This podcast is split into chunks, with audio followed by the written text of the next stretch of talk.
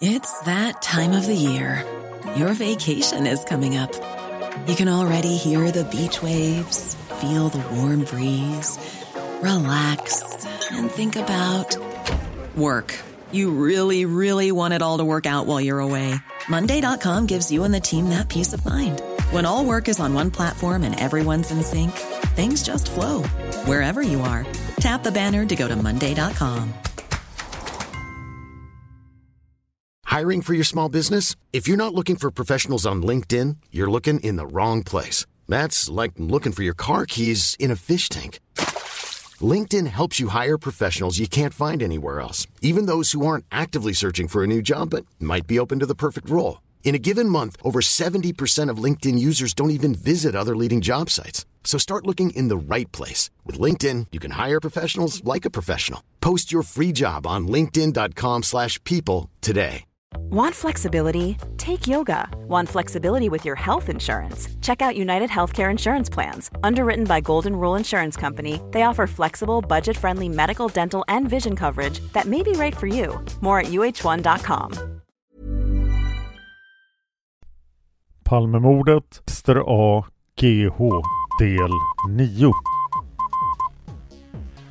Sveriges statsminister Olof Palme är död. 90 000. Ja, det är mord på Sveavägen. Hörde de säger att det är Palme som är skjuten.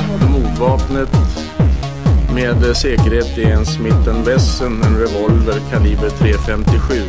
Inte ett svar. Finns inte ett svar.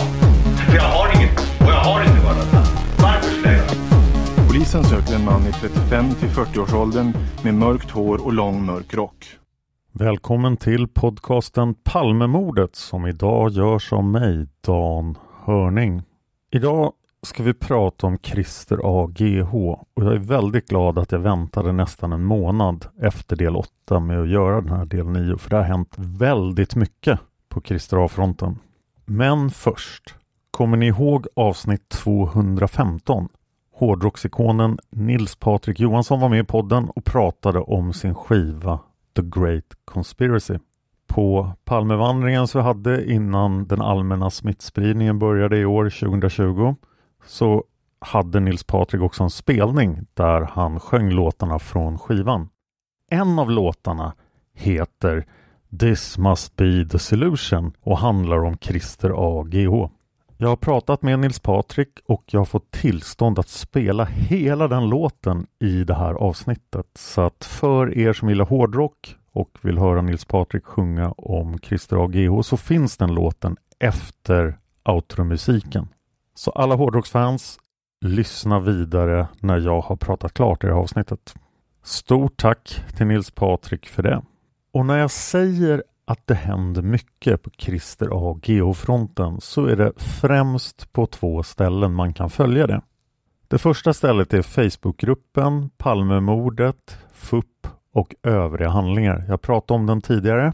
När jag spelar in det här har 489 olika grupper av dokument begärts ut från den här gruppen. Så om ni är på Facebook, likea eller följ Facebookgruppen Palmemordet, FUP och övriga handlingar. De behöver också hjälp. De behöver frivilliga som vill begära ut dokument för det finns ju givetvis tusentals dokument som ännu inte är utbegärda från Palmeutredningen. Och de behöver också donationer men allting finns i gruppen Palmemordet, FUP och övriga handlingar på Facebook. Den andra källan är förstås Flashback-tråden om Christer A. Jag kommer länka till båda de här i texten till det här avsnittet.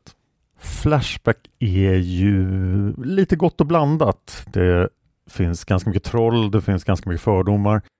Men inte särskilt mycket i tråden om Christer A. Där finns det massor av kunniga, duktiga människor som håller en saklig ton och verkligen tillför någonting i researchen.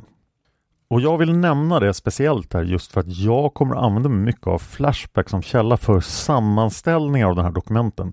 Så jag kommer presentera Christer A som en kronologi och dokumenten kommer först när de kommer i kronologisk ordning. Jag ska prata lite mer om det sen. Användaren Lookalike skriver den 26 augusti 2020 på Flashback.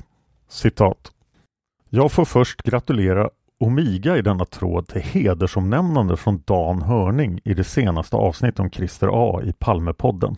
Ja, många av oss andra kan också slå oss för bröstet då han tycker att denna tråd befolkas av flera kunniga personer. Och ja, det tycker jag verkligen. Och du, lookalike, är en av dem. Så den här gången vill jag speciellt tacka just lookalike, Roerlig, kanske ska uttalas rörlig, men han har stavat relig så jag kommer att kalla honom för det. Och Omiga igen. Men dessutom alla andra kunniga personer i tråden som bidrar till tråden. För den är faktiskt jättebra. En av de bästa Flashback-trådar jag sett. Och speciellt vill jag tacka de kunniga människorna i den Flashback-tråden för det fantastiska arbetet som har gjorts för att få fram en kronologi över Christer A's liv i tråden. Och det arbetet har hänt efter att jag gjorde Christer A del 8 i augusti. Det här innebär att jag måste börja om med kronologin i det här avsnittet. Men det är bra. Nu hoppas jag att jag kan fortsätta med allting i kronologisk ordning. Jag tog ju bara upp några händelser i slutet av del 8. Men kommer det fram nya uppgifter så kommer jag att ta dem i början av avsnitten och sen fortsätta med kronologin. Vi har ett antal avsnitt Christer A framför oss för det finns väldigt mycket information. Vi har dock ett antal punkter kvar innan vi kan ge oss på kronologin igen. Först vill jag prata lite om censur. Som ni vet är många dokument som Palmeutredningen släpper ut kraftigt maskade. Så att det är svårt att läsa ut vad som egentligen avses i dokumenten. Vi har sedan många år tillbaka valt att hantera det genom att säga censur eller maskerad i podden. Men många av er framförde synpunkter främst på avsnittet Den skånske bonden men även några avsnitt innan. Och ni har rätt. Det blev störande med för mycket censur i avsnittet så att när vi kommer fram till dokumenten om Christer så kommer jag göra mitt yttersta för att tolka dokumenten och kunna ta bort så mycket censur som möjligt. Men i många fall så vet ju inte jag vad som menas. Det kan leda till att vi kanske avvaktar också att det här kommer ta lite tid för att när man överklagar och gnäller till Palmeutredningen så kommer det ofta ut dokument som är mindre maskade. Dessutom verkar det vara så att när två personer begär ett dokument så maskas det ibland annorlunda. Det vill säga, det verkar vara individuella personer som sitter och censurerar och sen fattar helt olika beslut från varandra. Men jag vill vara tydlig med att berätta att vi känner till problemet. Vi vet att ni har upplevt det som störande och vi ska försöka göra det vi kan för att arbeta runt det. Nästa programpunkt är en liten rolig kuriosa från Roerlig på Flashback. Citat. Christer A's bakgrund var ej så enkel som man kan tro. På Mödernet härstammar han från grundaren till Skeppshults gjuteri AB, parentes stekpannor och så vidare. Christers morfars far eller bror till denne var en återvandrad amerikasvensk vid namn Charles A. Han återkom till Sverige med kunskap om modern gjuteriteknik i bagaget och grundade Skeppshult 1906. Sedermera blev Christer A's morfar Henning gjuteriägare. Gjuteriets fortsatta vandring i släkten är okänt men sedan 2011 är det ägo utanför släkten.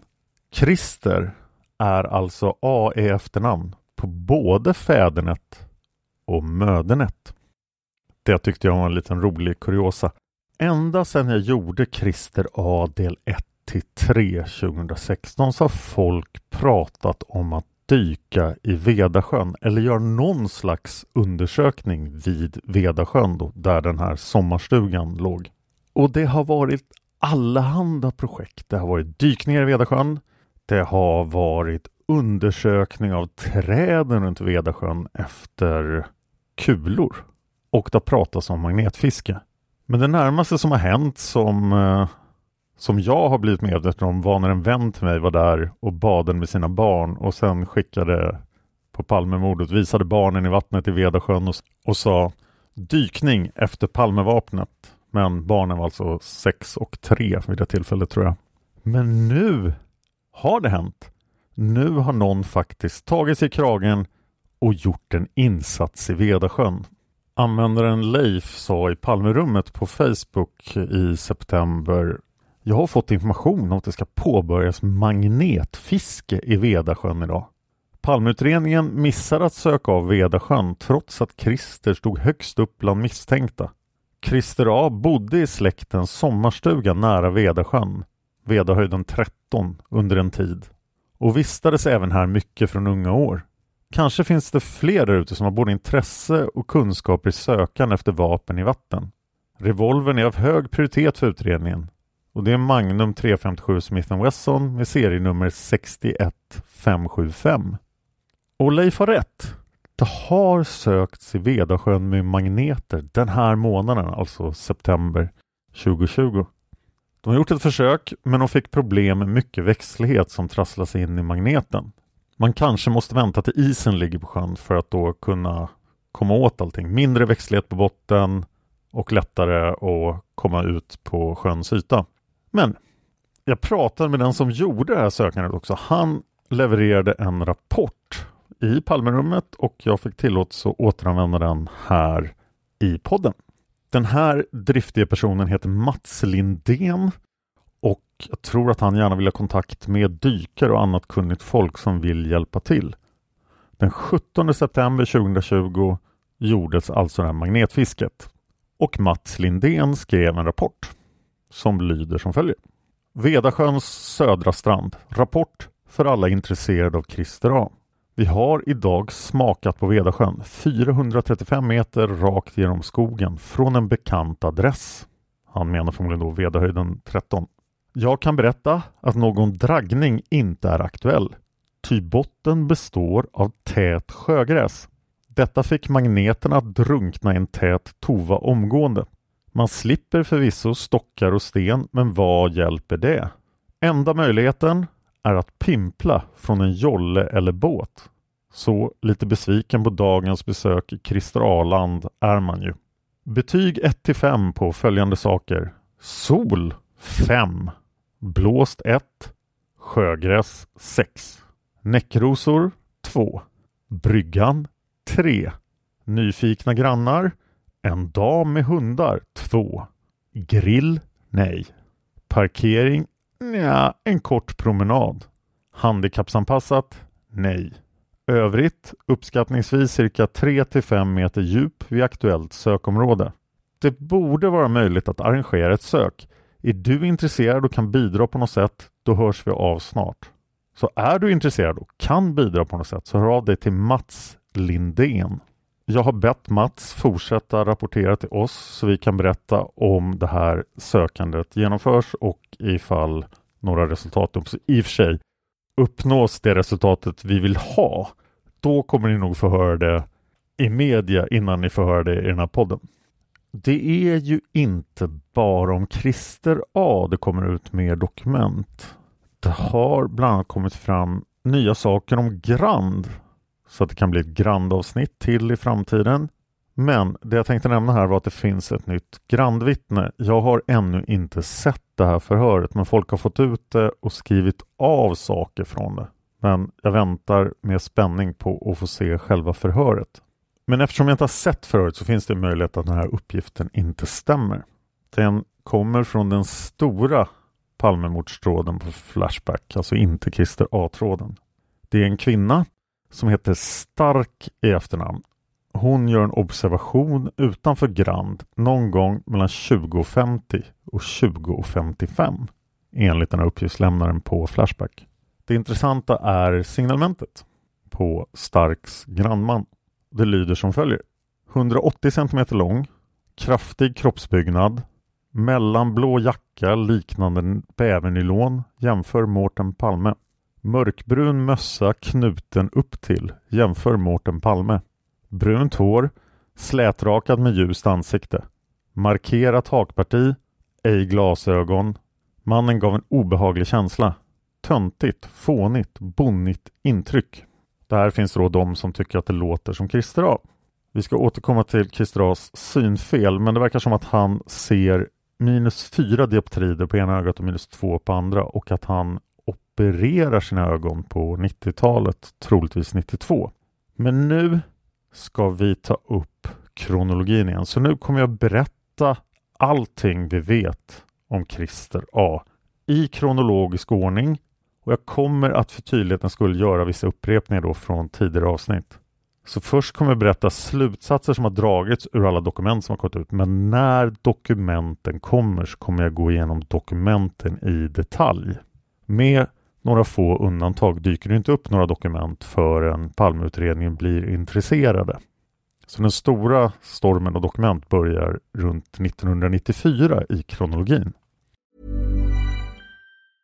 Ready to pop the question? The jewelers at BlueNile.com have got sparkle down to a science with beautiful lab-grown diamonds worthy of your most brilliant moments. Their lab-grown diamonds are independently graded and guaranteed identical to natural diamonds, and they're ready to ship to your door. Go to BlueNile.com and use promo code LISTEN to get $50 off your purchase of $500 or more. That's code LISTEN at BlueNile.com for $50 off. BlueNile.com code LISTEN. If you thought the only way to get a more defined jawline with natural looking results was through surgery, think again. Juvederm Volux XC is a non surgical injectable gel filler that improves moderate to severe loss of jawline definition and can help you achieve natural looking results with little downtime. Even better, this improved definition lasts up to one year with optimal treatment. No maintenance required. Improve jawline definition for a smooth, sculpted look with Juvederm Volux XC. For important safety information and to find a licensed specialist, visit juvederm.com. That's J U V E D E R M.com. Not for people with severe allergic reactions, allergies to lidocaine, or the proteins used in Juvederm. Common side effects include injection site redness, swelling, pain, tenderness, firmness, lumps, bumps, bruising, discoloration, or itching. There's a risk of unintentional injection into a blood vessel, which can cause vision abnormalities, blindness, stroke, temporary scabs, or scarring. Talk to a licensed specialist to find out if it's right for you.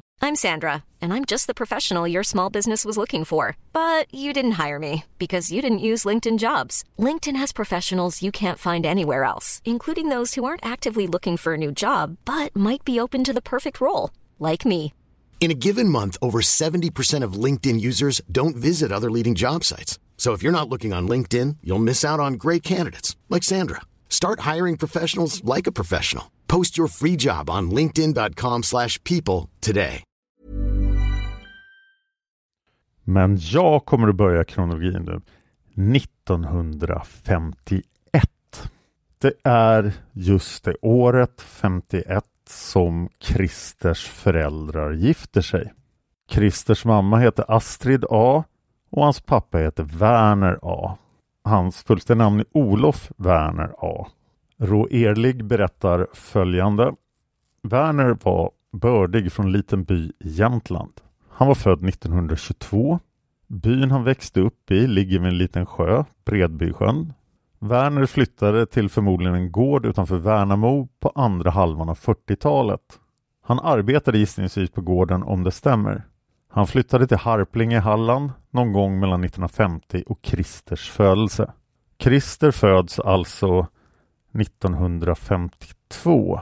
Vi har kyrkoböckerna med Kristers adresser genom åren. Och den 9 juni 1952 är Krister kyrkobokförd i Harplinge i Halmstad.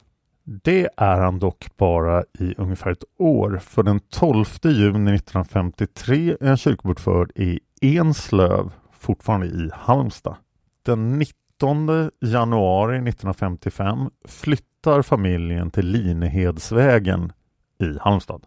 1958 får Christer en lillebror som vi kommer att referera till ganska ofta. Han kommer vi att kalla för KA. Ja, det är alltså samma bror som är orolig för Christer i samband med Christers självmord 2008. En ny uppgift som kom fram i samband med den här kyrkobokföringen är att familjen flyttade till Stockholm redan 1961. Vi visste ju att Christer på något sätt hade förflyttats till Stockholm, men det hände alltså redan 1961. Närmare bestämt den 14 april 1961. Då är Christer kyrkobokförd på Tornslingan i Trångsund. Flashback-användaren Rearly hävdar att han har Christers skolbetyg för åk 6 och jag har ingen anledning att miss misstro honom. Ruerlig säger citat råkat bli utsatt för Christers skolbetyg och sex. Christer tillhör de bättre i klassen, sämre i praktiska ämnen. Liksom alla andra i klassen hade han betyg A, alltså det högsta betyget, i ordning och uppförande. Vi vet nästan ingenting om Christers liv under högstadiet men 1968 började han på naturvetenskaplig linje på ett okänt gymnasium. Men det är förmodligen i Farsta. Någonting händer under Christers gymnasietid och han går ut gymnasiet ett år för sent. Vi tror nu alltså att Christer går ut gymnasiet 1972. Och vi vet inte varför. Han verkar fortfarande ha bra betyg och det baserar jag på att han kommer in på universitetsstudier senare. Så att här kan man bara spekulera varför behövde Christer gå om ett år på gymnasiet? En anledning som vanlig senare, men jag vet inte hur vanligt det var 72, är att man har gjort ett, ett år utomlands. Att man har varit utbytesstudent och sen kommit tillbaka till Sverige och går klart sitt gymnasium.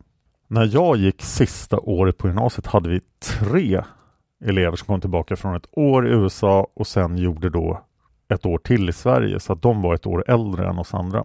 Det skulle kunna vara det som anledning, men det kan också vara någon slags problem. Vi vet dock att Christer har någon slags kontakt med psykiatrin. Roerlig sammanfattar skoltiden så här. Citat. Christer går mellanstadiet i Trångsund och är en duktig elev. Högstadium okänt. Gymnasium likaså, men får goda betyg på naturvetenskaplig linje. Under gymnasietiden har han psykiatrisk vårdkontakt och utbildningen tar ett år extra.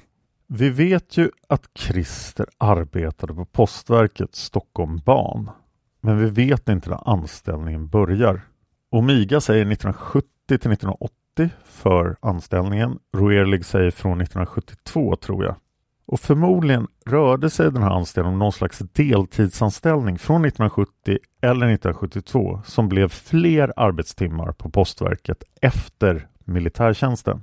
Det här var ju en tid där alla män var tvungna att göra militärtjänst och det var väldigt svårt att få frisedel.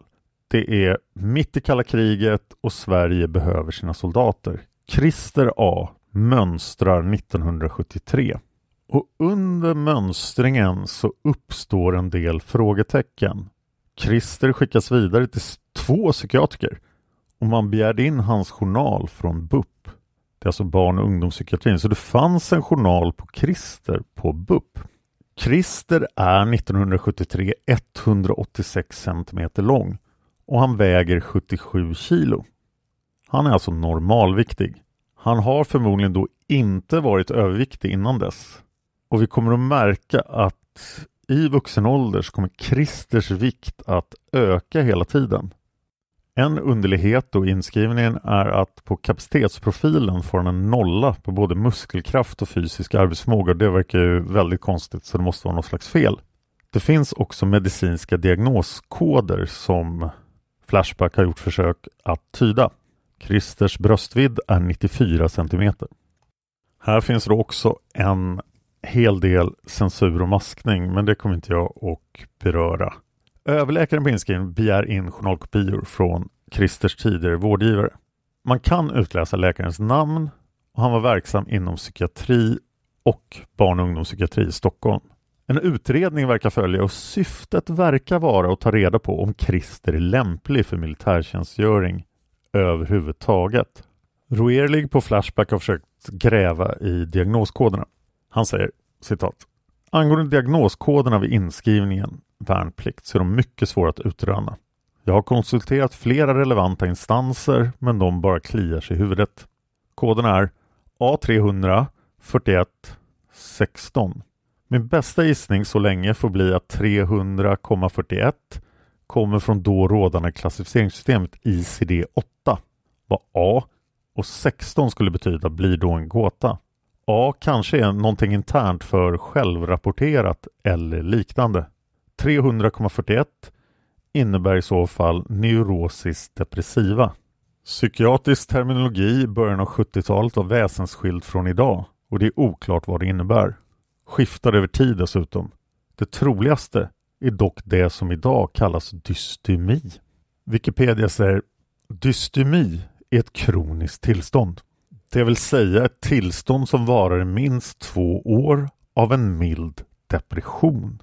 Tillståndet kan vara något bättre några dagar men överlag är personen håglös, sorgsen och trött.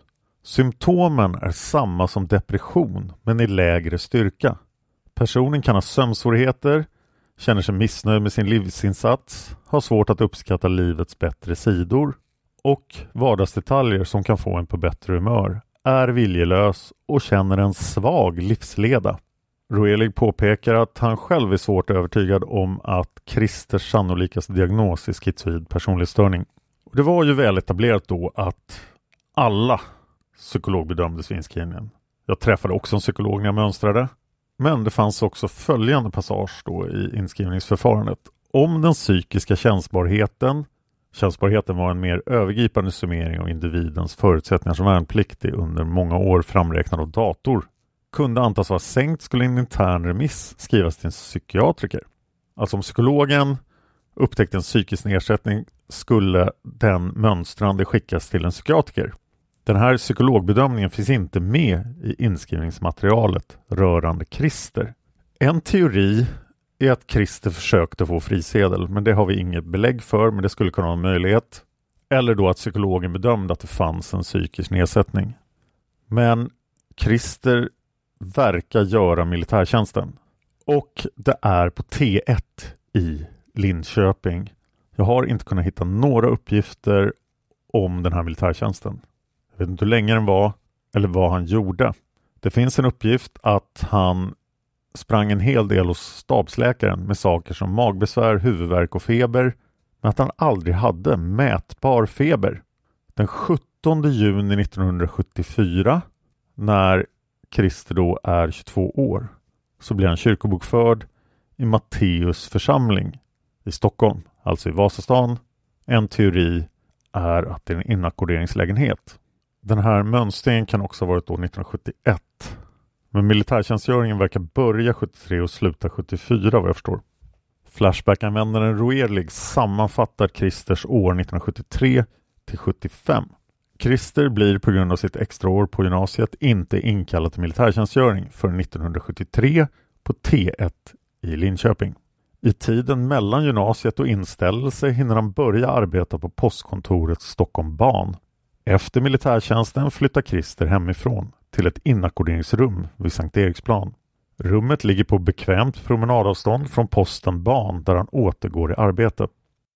Christer köper våren 1975 en egen lägenhet i Täby och påbörjar hösten samma års studier på okänd linje på Stockholms universitet. Dessa fullföljs ej och han återgår återigen till posten. Och Det stämmer att han blir kyrkobokförd i Täby den 10 mars 1975 är han kyrkobokförd i Näsbydal i Täby. Och vi vet att Christer A bor i Täby augusti 1975. För då skrivs han in på Stockholms universitet den 25 augusti 75. Det är inte en okänd linje utan det kom senare fram att det är samhällsvetenskaplig fakultet. Han är inskriven på utbildningslinjen OBA eller O6A. Det är nämligen handskrivet och svårt att tyda. Börjar med kurs 20 poäng STAT. Och vad är det? Det vet vi inte då. Men två spekulationer är statistik eller statsvetenskap. Vi har en uppgift om adressen i Täby, Näsbydalsvägen 6 i Täby från 76. Och det verkar alltså som att Christer efter det här första misslyckandet att plugga på universitetet återgår till arbetet på posten och jobbar vidare där till 1980. 1978 när Christer är då 25-26 så blir han medlem i Akademiska pistolklubben APK. Och vi kommer att få en hel del anledning att återkomma till Akademiska pistolklubben. Varje år har APK ett klubbmästerskap och Christer deltar i det här klubbmästerskapet. Han kommer på femte plats 1978. Jag har inte uppgifter på hur många medlemmar klubben hade 1978 men jag antar att det är runt 20. Så för en nybörjare att komma på femte plats, det är ändå rätt bra jobbat av Christer. Men det är min personliga reflektion lite färgad över vad som händer sen. Det kan ju vara så att pistolklubben bara hade fem medlemmar. Det blir 1979. Christer är en fortsatt aktiv medlem i Akademiska Pistolklubben. 1979 kommer Christer fyra på klubbmästerskapen. Sakta men säkert blir Christer en bättre skytt. I augusti 1979 gör Christer ett nytt försök att studera på Stockholms universitet. Han läser juridisk introduktionskurs. Han får ett delvis godkänt resultat. Han fick totalt 10 poäng enligt det gamla systemet och 15 poäng enligt det nya. Gissningsvis var han tvungen att göra en omtenta, spekulerar en Flashback-användare i. Men problemet var att han skulle få 20 poäng, eller 30 enligt de nya universitetspoängen. Christers studier under höstterminen 1979 motsvarar alltså bara en halv termin heltidsstudier.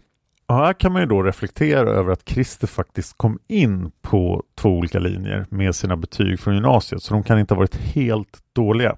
Just juridisk introduktionskurs var inte känd för att vara jättesvår. Så man kan undra varför Christer inte lyckades här. Men det kan vi bara spekulera i. Juridik kanske var jättesvårt för Christer.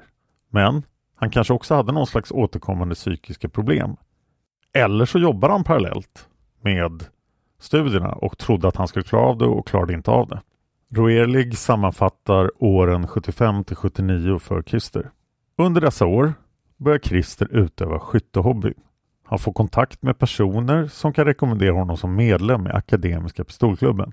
Han deltar i sitt första av en lång rad klubbmästerskap 1978. Christer upptäcker Täby galopp, arbetar på posten och gör 1979 en ny akademisk ansats på juristlinjen. Men han kommer inte längre än till första kursen. Det blir 1980. Christer är en fortsatt aktiv medlem i Akademiska Pistolklubben hela året. Och 1980 kommer han trea på klubbmästerskapen, det bästa resultatet hittills. Christer är mycket aktiv i grovpistolskytte under åren 1980 till 85 och han vinner flera medaljer i grenen fältskytte. Akademiska Pistolklubben får också en ny materialansvarig. Vi kommer att kalla honom G. Det var G som köpte in aktuell ammunition till föreningen. Akademiska Pistolklubben har ingen klubblokal. De bara hyr in sig på olika banor och träffas på olika ställen och skjuter. 1980 är ett år där det händer väldigt mycket för Christer. Han fyller alltså 28 det här året. Men den 18 april 1980 flyttar han tillbaka till föräldrarna verkar som, för han är kyrkobokförd på Tornslingan i Trångsund. Där stannar han mindre än två månader. Den 3 juni 1980 är han kyrkobokförd på Vallavägen i Haninge. Det är alltså Österhaninge. Vi vet inte exakt när han införskaffade den här lägenheten men det verkar vara innan den 17 maj. Så han skaffade lägenheten innan den 17 maj men han blev kyrkobokförd den 3 juni. Och Det var en himla tur för hans bror KA. För det är ju då den 17 maj 1980 som Christer vinner alla sina pengar på travet. Det jag tog upp i förra avsnittet. Med alla sina nya pengar gör Christer en hel del inköp. Ett av dem är att han den 8 juli besöker Sportskyttematerial AB på Arsenalgatan 3 eller 9. Det finns olika uppgifter om var det här låg i olika förhör. Och där köper han två vapen. Det är en Hemmerli 22. Det är alltså den här ovanliga och eh, dyra pistolen som jag pratade om tidigare. Och en Smith Wesson 357 Magnum. Det här är Christers berömda vapen. Granskningskommissionen bekräftar här och säger att 1980 registrerad innehavare av bland annat en revolver Smith Wesson 357 Magnum med 6 tums pipa. Vapnets nummer 61 575.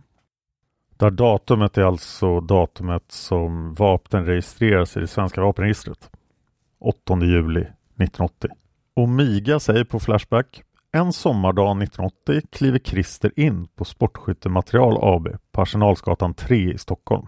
Han köper en sportskyttepistol Hemmerly kaliber 22 och en Smith Wesson 357 Magnum. Smith Wesson-vapnet är begagnat men Christer kan inte se att det används överhuvudtaget enligt förhör. I köpet ingår en halv ask Super X3 PM7 som säljaren har skickat med parentes, det här är Omigas hypotes. Dessa vapen inregistreras i det svenska vapenregistret 1980 0708. Bekräftat. En användare frågar om den här revolvern var en Smith Wesson modell 27 eller modell 28. Användaren Kato 85, också en duktig användare i Flashback-tråden, svarar Det var en nyare 27 med 6 tums pipa tillverkad på 70-talet. Svartblonerad med träkolv.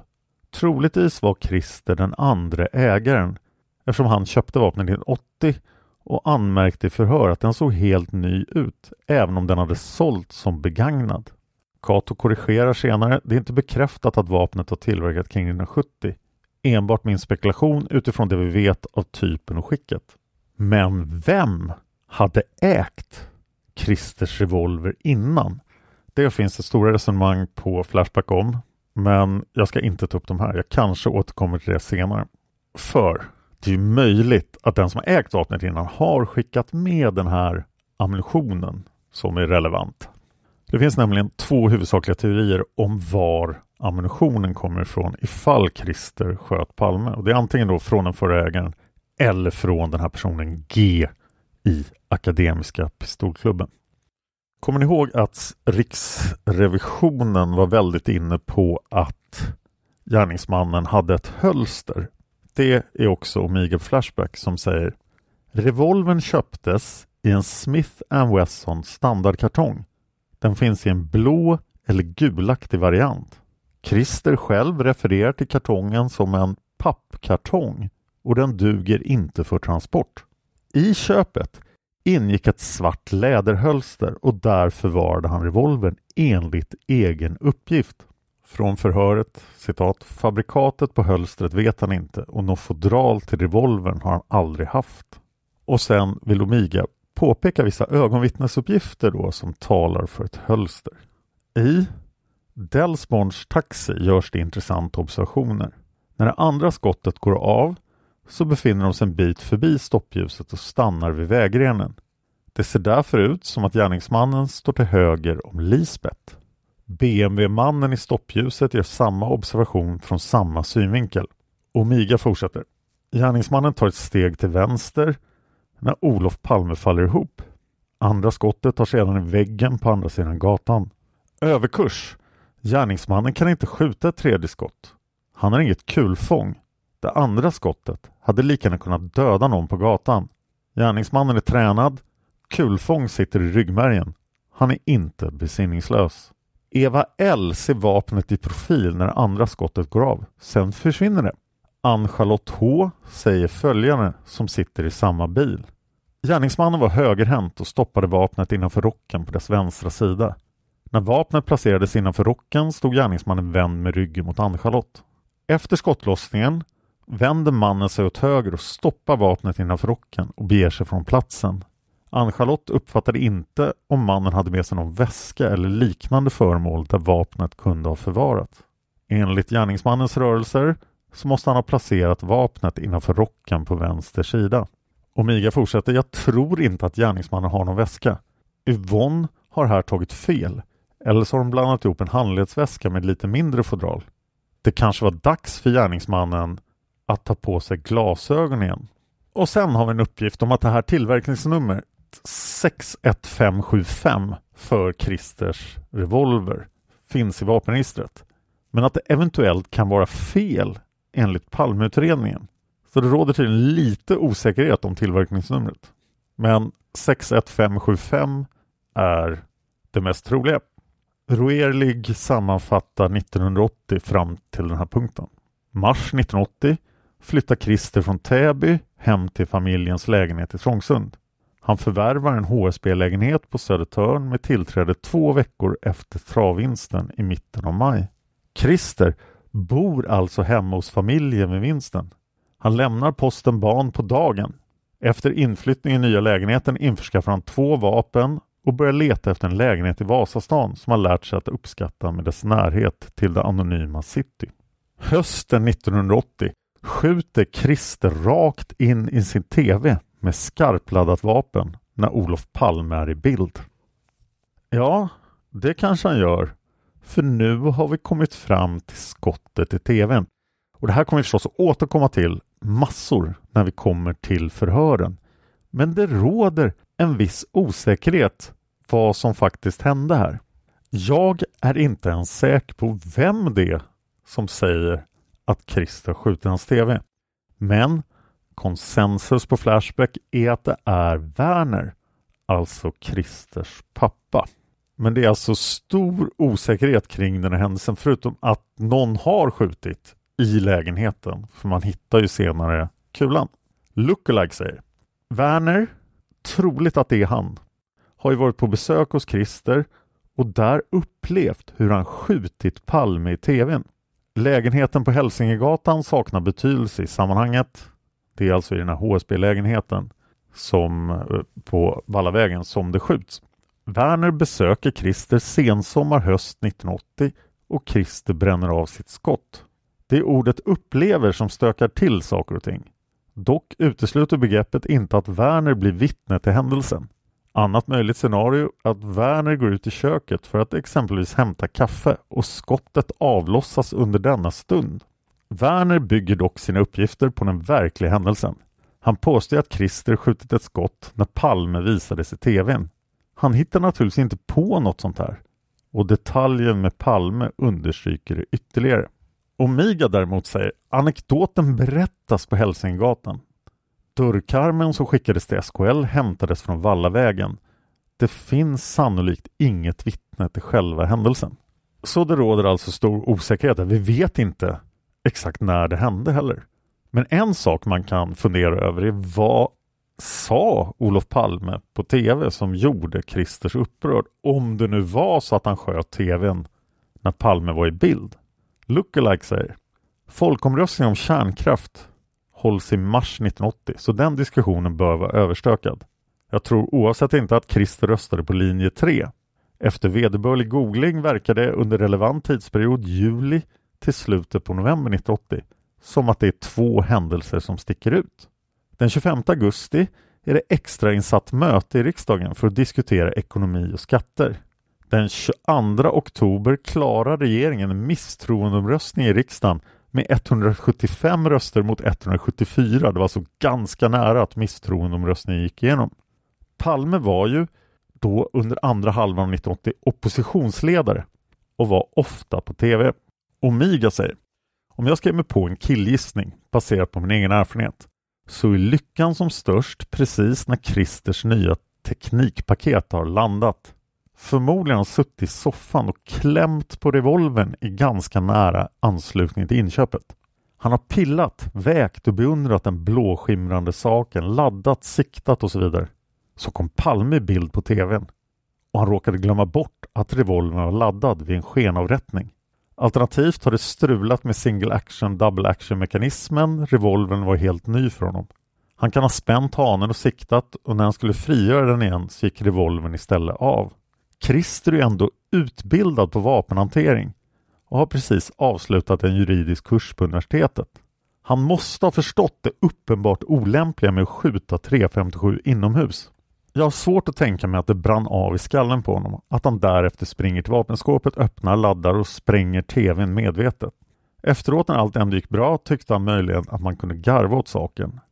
Och vem är då bäst att dra den historien för? Farsan såklart.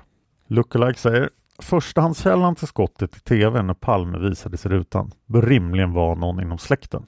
Jag har inget material själv eller sett något annat som tyder på att Christer haft någon vidare kontakt med andra än sin mor, far och vid tidpunkten bror. Det bör vara en släkting eftersom historien har spritt så som den har inom släkten och man tar i beaktande den person som Christer var. Han släppte näppeligen in utomstående i lägenheten. Mina sekiner ligger på pappa. Och vi kommer som sagt att återkomma till skottet i tvn i ett antal förhör när vi kommer fram till förhören. Christer blir medlem i bostadsrättsföreningen Pionen på Helsinggatan 19 den 25 november 1980. Lägenheten är två rum och kök, Christer betalar 740 000 kronor. Det finns en uppgift att Christer inte var med i Svenska kyrkan. Roelig sammanfattar slutet av 1980. Citat. Christer köper en ståndsmässig sekelskiftestvåa i Vasastan och brodern KA tar över tidigare lägenhet. Fragment från skottet i lägenheten upptäcks av brodern i samband med flytten. I december 1980 får han äntligen tillträde till lägenheten på Hälsingegatan. Hans far är på besök. De diskuterar en person de båda ogillar, Olof Palme. Då undslipper det plötsligt Christer att det där vådaskottet i tvn egentligen skedde på impuls då han såg Palme i bild. 1980 fanns det någonting som hette förmögenhetsskatt och då var alla människor som hade en förmögenhet över en viss summa tvungna att deklarera det till Skatteverket. Och det gjorde Christer. För taxeringsåret 1981 som avser då skatteåret eller inkomståret 1980 så var Christers förmögenhet 831 200 kronor. Och det motsvarar idag cirka 2,8 miljoner kronor. Kom ihåg nu att Nils Patrik Johanssons låt från albumet The Great Conspiracy med titeln This must be the solution kommer efter outromusiken. Vi slutar dagens berättelse om Christer A vid nyåret 1980-1981. Palmemordet finns på Facebook. Gå gärna in där och diskutera podden med mig eller Tobias. Om ni vill prata detaljer om Palmemordet rekommenderar Palmerummet eller Studio Palmemordet på Facebook. Jag finns på Twitter och Instagram. Jag heter Dan Hörning så jag är väldigt lätt att hitta. Jag vill gärna ha iTunes-recensioner. Eller om ni lyssnar på den här podden på en annan plattform som låter er sätta betyg. Så sätt betyg på podden, skriv recensioner. Jag lovar att läsa alla iTunes-recensioner. Om ni skulle råka vara intresserade av astronomi så gör jag en astronomipodd på engelska. Den heter Fan of Astronomy. Den gör jag tillsammans med en amerikan som heter Angelo. Den kan ni hitta på samma ställen där ni kan hitta Palmemordet, så Fan of Astronomy. Tack till alla som sponsrar Palmemordet på Patreon. Det betyder jättemycket för den här poddens framtid. Tack till Lukas för musiken. Tack till Lookalike, Kat85, Omiga och Roerlig på Flashback. Tack till expertgruppen och tack till dig för att du lyssnar på Palmemordet. Man hittar Palmes mördare om man följer PKK-spåret till botten. Därför att ända sedan Julius Caesars tid har det aldrig hört talas om ett mord på en framstående politiker som inte haft politiska skäl. Polisens och åklagarens teori var att han ensam hade skjutit Olof Palme. Och det ledde också till rättegång. Men han frikändes i hovrätten.